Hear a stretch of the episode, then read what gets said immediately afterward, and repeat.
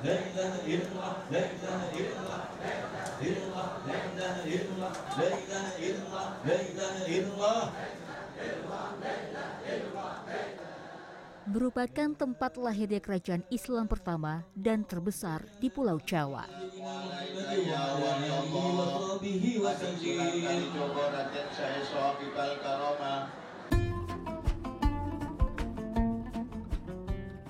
Tempat yang mendapat julukan sebagai kota wali ini menyimpan berbagai jejak sejarah penyebaran Islam di Pulau Jawa dari abad ke-15 Masehi. Selamat datang di Demak.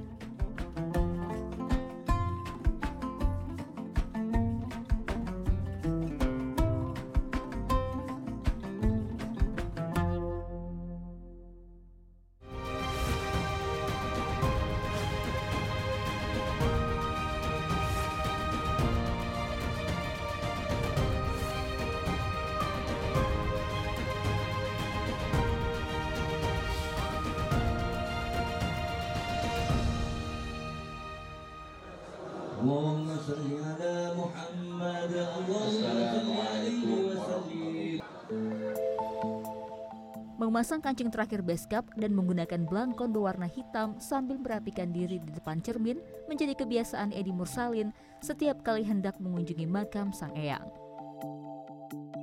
Sebelum berangkat, Edi tak lupa mengambil kunci yang disimpan dengan baik di dalam sebuah kotak kayu.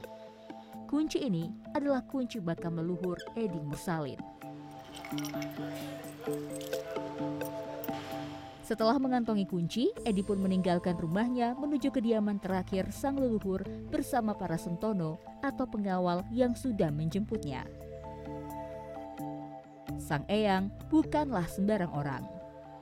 Edi Mursalin merupakan salah satu keturunan dari Sunan Kalijaga, sang tokoh yang namanya masyur sebagai salah satu anggota Wali Songo yang menyebarkan agama Islam di Pulau Jawa. Juru kunci adalah sebutan bagi Edi Mursalin selama tiga tahun terakhir. Setelah pengabdiannya selama kurang lebih 30 tahun di makam Sang Eyang, Edi Mursalin pun terpilih menjadi juru kunci di antara para ahli waris atau kerabat Sunan Kalijaga lainnya. Betul. Eh, yang menjabat sebagai juru kunci itu harus ya tidak bisa orang di luar ahli waris harus ahli waris atau kerabatnya Sunan Kalijogo. Hari ini adalah hari Jumat Pon. Salah satu hari di mana cungkup atau rumah makam Sunan Kalijaga dibuka untuk peziarah umum. Hanya hari-hari tertentu saja cungkup bisa dimasuki oleh peziarah umum. Jumat Pon, Jumat Pahing, Jumat Kliwon, 1 dan 2 Syawal, serta Hari Raya Idul Adha dapat menjadi kesempatan bagi peziarah umum untuk masuk ke dalam cungkup Sunan Kalijaga. Di luar dari hari tersebut, para peziarah hanya bisa berdoa di halaman cungkup.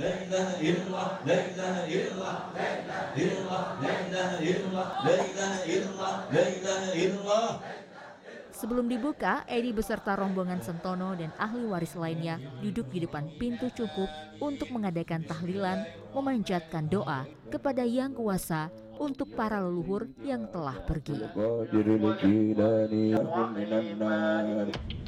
Dan waktunya pun tiba. Edi melangkah ke pintu cungkup dan bersujud memohon doa sebelum kunci dimasukkan ke dalam lubang pintu.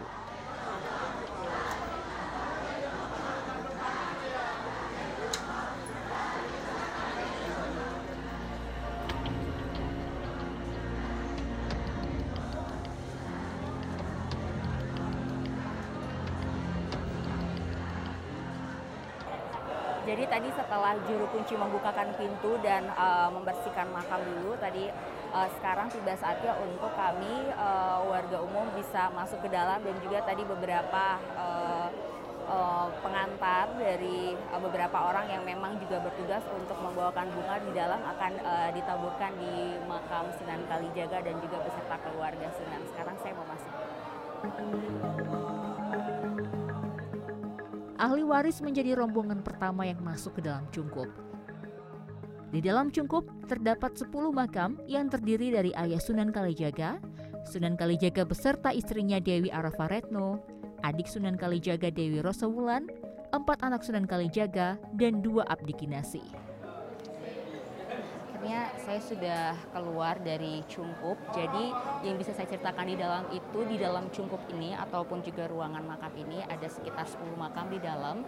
Uh, setelah masuk itu untuk pertama kali masuk harus uh, masuk ke dalam uh, ada ruangan lagi yang lebih sempit ada dua kubur di dalam yaitu makam dari uh, Sunan Kalijaga dan juga istrinya ya. Jadi di dalam itu cukup gelap dan juga memang harus uh, mengikuti aturan-aturan yang ada. Jadi semuanya harus antri yang masuk ke dalam ruangan untuk makam uh, Sunan Kalijaga sendiri dan istrinya itu juga cuma hanya bisa maksimal 10 orang jadi beberapa orang lain itu harus antri di luar terlebih dahulu tapi experience-nya pengalamannya memang sangat syahdu dan juga banyak sekali orang-orang yang kemudian uh, meneteskan air mata karena akan kerinduannya bisa uh, masuk dan juga bisa berdoa langsung untuk uh, Sunan Kalijaga dan juga para uh, keluarga beliau.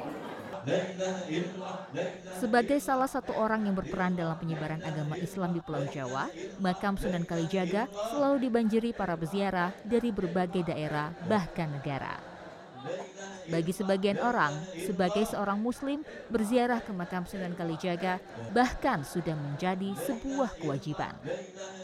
Tak hanya itu, bagi mereka yang mendapatkan kesempatan masuk ke dalam cungkup dan berdoa sambil memegang makam Sunan Kalijaga menjadi sebuah pengalaman spiritual yang tak akan terlupakan.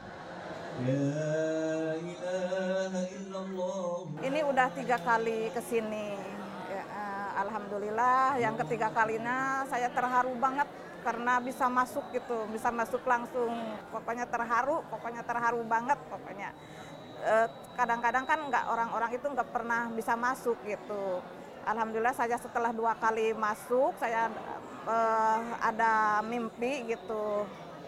Ha, pokoknya harus katanya yang ketiga kalinya harus bisa masuk. Dari mana ini Pak? Malaysia semuanya. Supaya ada rombongan dari Malaysia. Iya, Masya Allah Subhanallah, perasaan kami amat-amat rasa gembira dan rasa terpilih amat-amat. Karena bukan semua orang bisa untuk menjejak kaki ke dalamnya. Tetapi Alhamdulillah izin Allah, karena uh, dengan bantuan daripada uh, Kanjeng Sultan Sri Demak dan juga guru utama kami uh, dan juga lain-lain, Alhamdulillah kami berjaya masuk dan rasa sungguh bahagia sekali.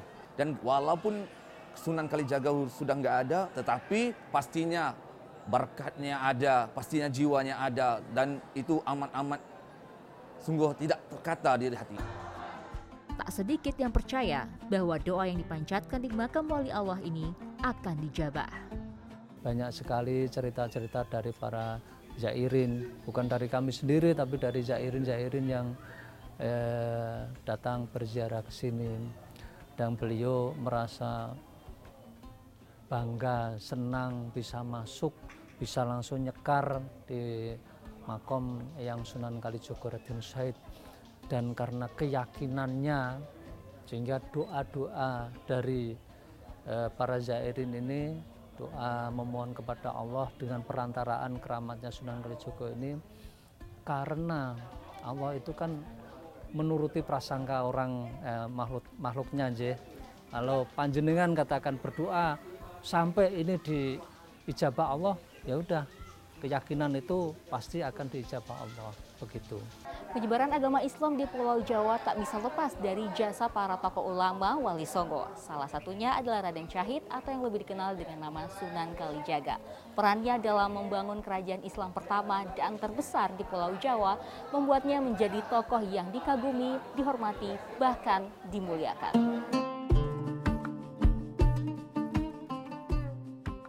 Kawasan makam Sunan Kalijaga berdiri di wilayah Kadilangu, Kabupaten Demak.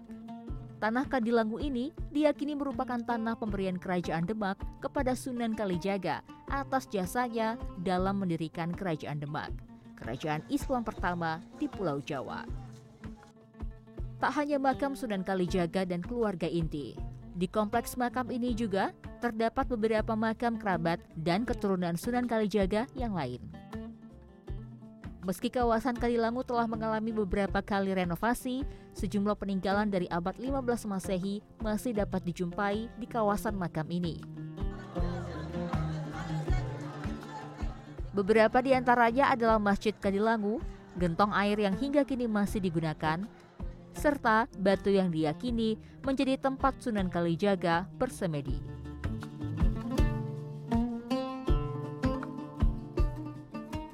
Masa hidup Sunan Kalijaga diperkirakan mencapai lebih dari 100 tahun. Oleh para ahli waris, Sunan Kalijaga dipercayai wafat pada 10 Muharram tahun 1513 yang merupakan tahun Saka Jawa atau sekitar tahun 1592 Masehi. Sunan Kalijaga merupakan anggota Wali Songo yang menjadi saksi hidup lahirnya Kerajaan Demak hingga runtuhnya kerajaan tersebut.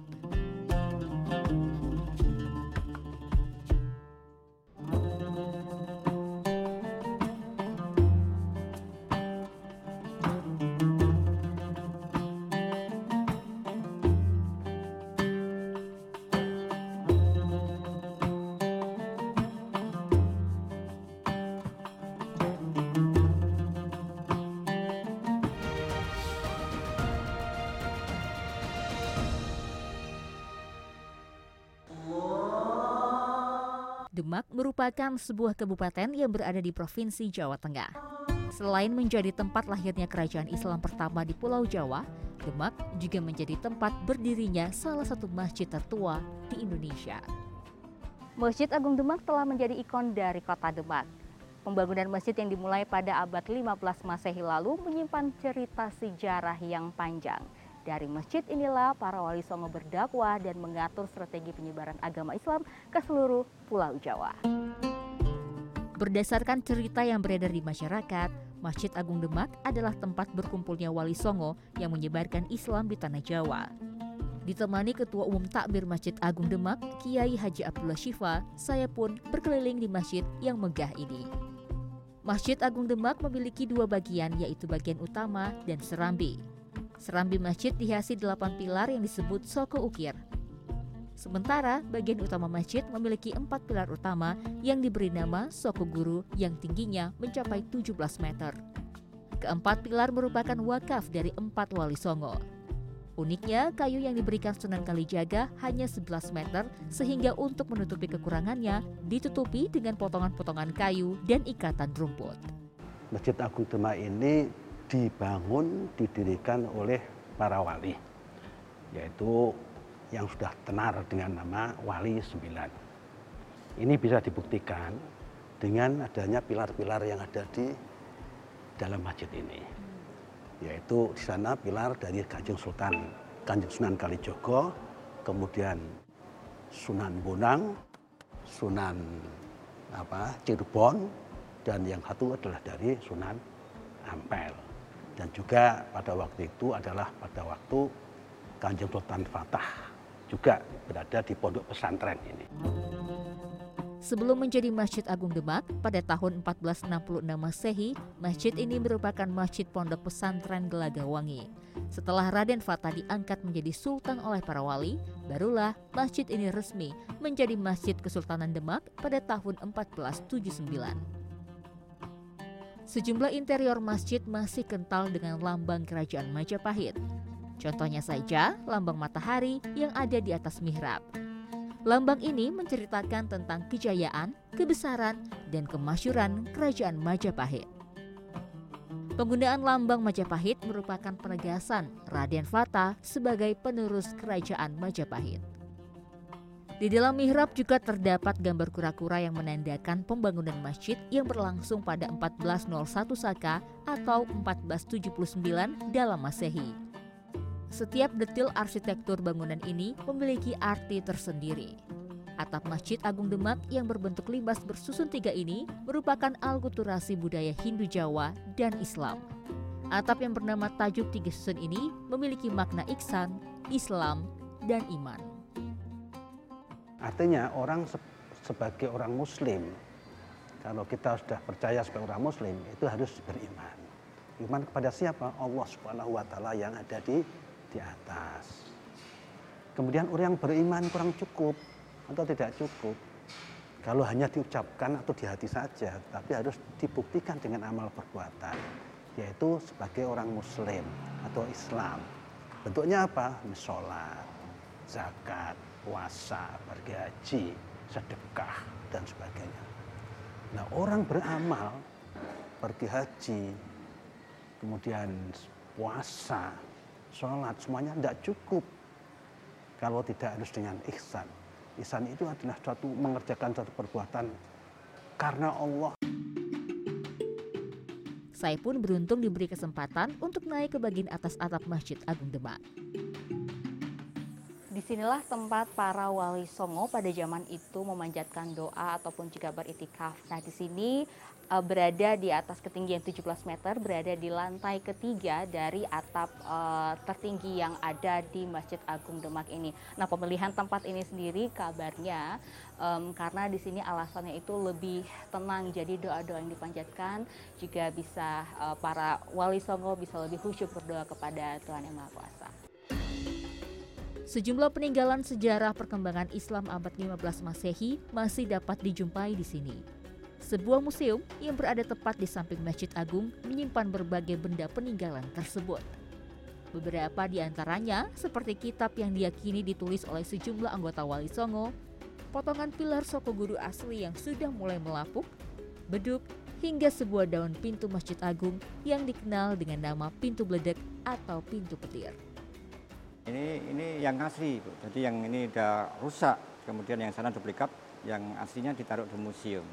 Ini ada cerita konon bahwa Ki Ageng Selo menangkap petir.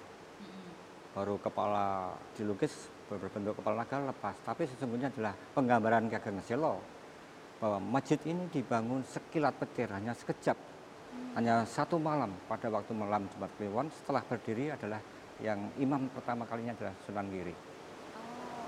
Jadi ini bukan pintu untuk penangkal petir gitu? Bukan, itu adalah uh, mitos cerita rakyat. Namun ini adalah Condro Sengkolo atau prasasti di mana masjid ini dibangun tahun 1466 Masehi. Masjid Agung Demak menjadi satu-satunya bangunan megah peninggalan Kerajaan Demak. Meski merupakan kerajaan Islam pertama dan terbesar di Pulau Jawa, kerajaan ini tidak meninggalkan jejak keraton sama sekali para sejarawan memiliki sejumlah pendapat. Setidaknya ada dua hal ya, ada kemungkinan dua hal. Yang pertama adalah uh, bisa jadi karena bencana alam, ya, karena dulu itu rawan banjir, sehingga kemudian Sunan Prawoto itu di daerah tinggi, ya, di daerah Prawoto sekarang. Artinya karena terjadi banjir kemudian uh, keratonnya pindah ke Prawoto yang sekarang. Satu. Yang kedua, ada kemungkinan ya itu ekses dari perebutan kekuasaan ya antara kelompok internal di Demak. Ya. Begitu Trenggono terbunuh di Jawa Timur pada saat uh, ekspansi ke sana, dalam versi yang lain saya baca bahwa di internal sini itu terjadi aksi saling bumi hangus sehingga kemungkinan itu yang menyebabkan keraton hilang. Kerajaan Demak pertama kali dipimpin oleh Raden Fatah yang merupakan putra Brawijaya V atau raja terakhir Majapahit. Disusul Pati Yudus anaknya, Sultan Trenggono dan berakhir di tangan Sunan Prawoto pada akhir abad 16 Masehi. Selain Sunan Prawoto, makam dari ketiga pemimpin kerajaan Demak pada kala itu masih bisa dijumpai di belakang halaman Masjid Agung Demak. Makam Raden Fatah dan Pat Yunus berada di komplek makam bagian depan. Sementara makam Sultan Trenggono berada di dalam cungkup bagian belakang kompleks makam. Selain para petinggi Kesultanan Demak, kompleks makam juga diisi oleh makam keluarga Kesultanan Demak lainnya beserta kerabatnya. Tak sedikit warga datang silih berganti ke kompleks makam para petinggi kerajaan Demak ini untuk mendoakan mereka terutama di hari-hari menjelang Ramadan.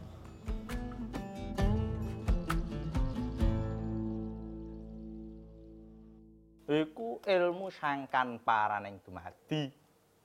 Den yo pangestumu tak jaluk nggih mung saged derek dedonga sumangga enggal kundur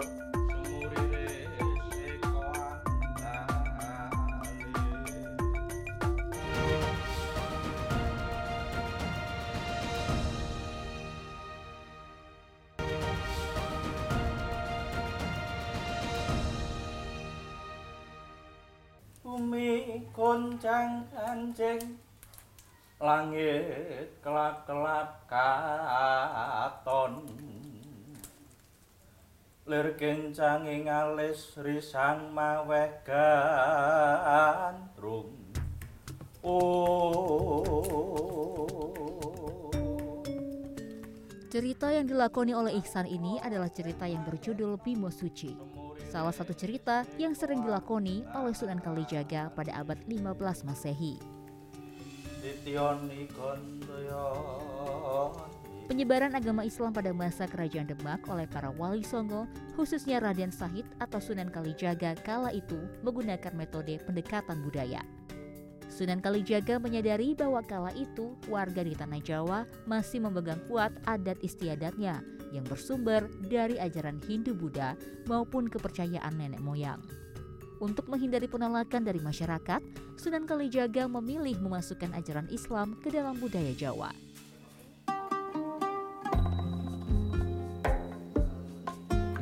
Saat itu, wayang menjadi hiburan yang selalu ditunggu masyarakat Demak.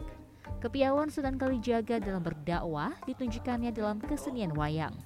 Ajaran-ajaran agama Islam diselipkannya dalam setiap cerita wayang yang ia lakoni. Lakon Jamus Kalimasada menjadi salah satu lakon ciptaan Sunan Kalijaga yang terkenal hingga kini.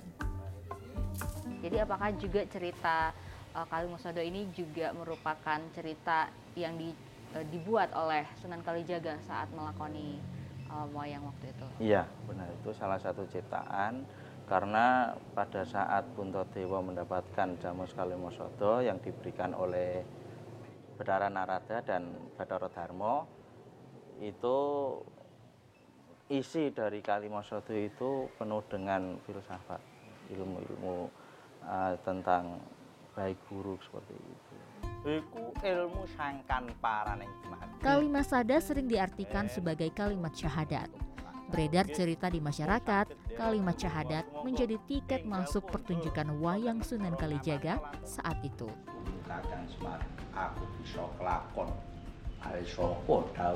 Yang sudah terdengar cerita itu pada saat itu Sunan para Sunan wali di tanah Jawa itu kan salah satunya Kanjeng Sunan Kalijogo membuat pagelaran.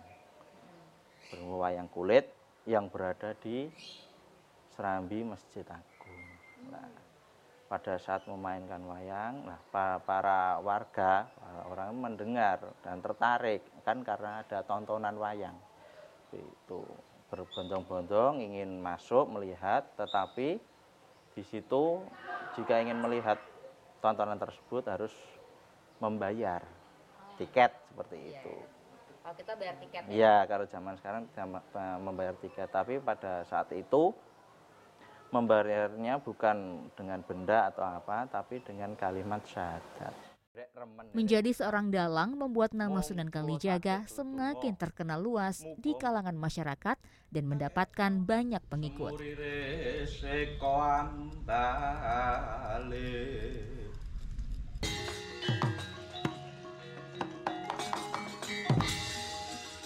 Wayang kulit menjadi salah satu peninggalan budaya penyebaran agama Islam abad 15 Masehi yang hingga kini masih dipertahankan. Pagelaran wayang sudah mengalami beberapa perubahan mulai dari cerita hingga teknis pentas. Salah satunya dapat terlihat dari penggunaan cahaya lampu warna-warni untuk memberikan kesan yang lebih menarik. Iksan merupakan seorang dalang muda profesional dan sudah belajar tentang dunia dalang serta seni wayang sejak tahun 2012. Wayang buat saya itu seperti wayangku jiwaku. Jadi saya hidup selalu berdampingan dengan wayang. Jadi tidak akan terlepas untuk wayang tersendiri. Entah sampai kapan pun, sampai di mana pun tetap wayang selalu di hati saya. Wayangku jiwaku.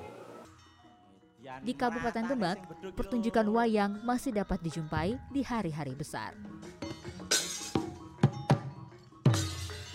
Apitan ini dikelola oleh tingkatan Demang, di tingkat desa, di tingkatan kecamatan kalau saat ini ya itu menyambut tadi grebek besar pragrebek besar itu apitan. Nah, apitan ini dulu pakemnya adalah menggunakan pentas seni wayang atas perintah Kanjeng Sunan Kalijaga. Beda dengan di daerah lain misalnya di Jawa Timuran, terus kemudian ada di selatan itu beda. Tapi untuk di pusat kerajaan Demak di sentralnya itu menggunakan wayang sebagai pentas seni dan dakwah. Dan ini pelopornya adalah Kanjeng Sunan Kalijaga. Lakon Bimo Suci hingga kini menjadi salah satu lakon yang masih sering dimainkan oleh para dalang di Demak. Lakon ini menceritakan tentang pencarian jati diri Brotoseno. Kalau dari lakon Bimo Suci yang tadi dimainkan oleh uh, ataupun juga dilakoni oleh Mas Iksan, nah ini dia adalah tokoh utamanya Brotoseno. Brotoseno ini sebelum dia kemudian memulai petualangannya inilah dia bentuknya. Dan setelah dia uh, melakukan petualangan bertemu dengan dua raksasa, Dewa Ruci dan juga mendapatkan ilmu kebajikan, dia berubah menjadi tokoh yang ini yaitu namanya Werkudara.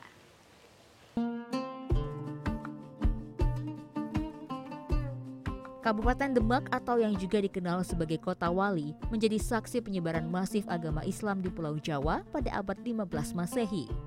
Melalui kesenian dan kebudayaan, para wali songo berhasil menarik simpati masyarakat untuk memeluk Islam tanpa adanya unsur kekerasan.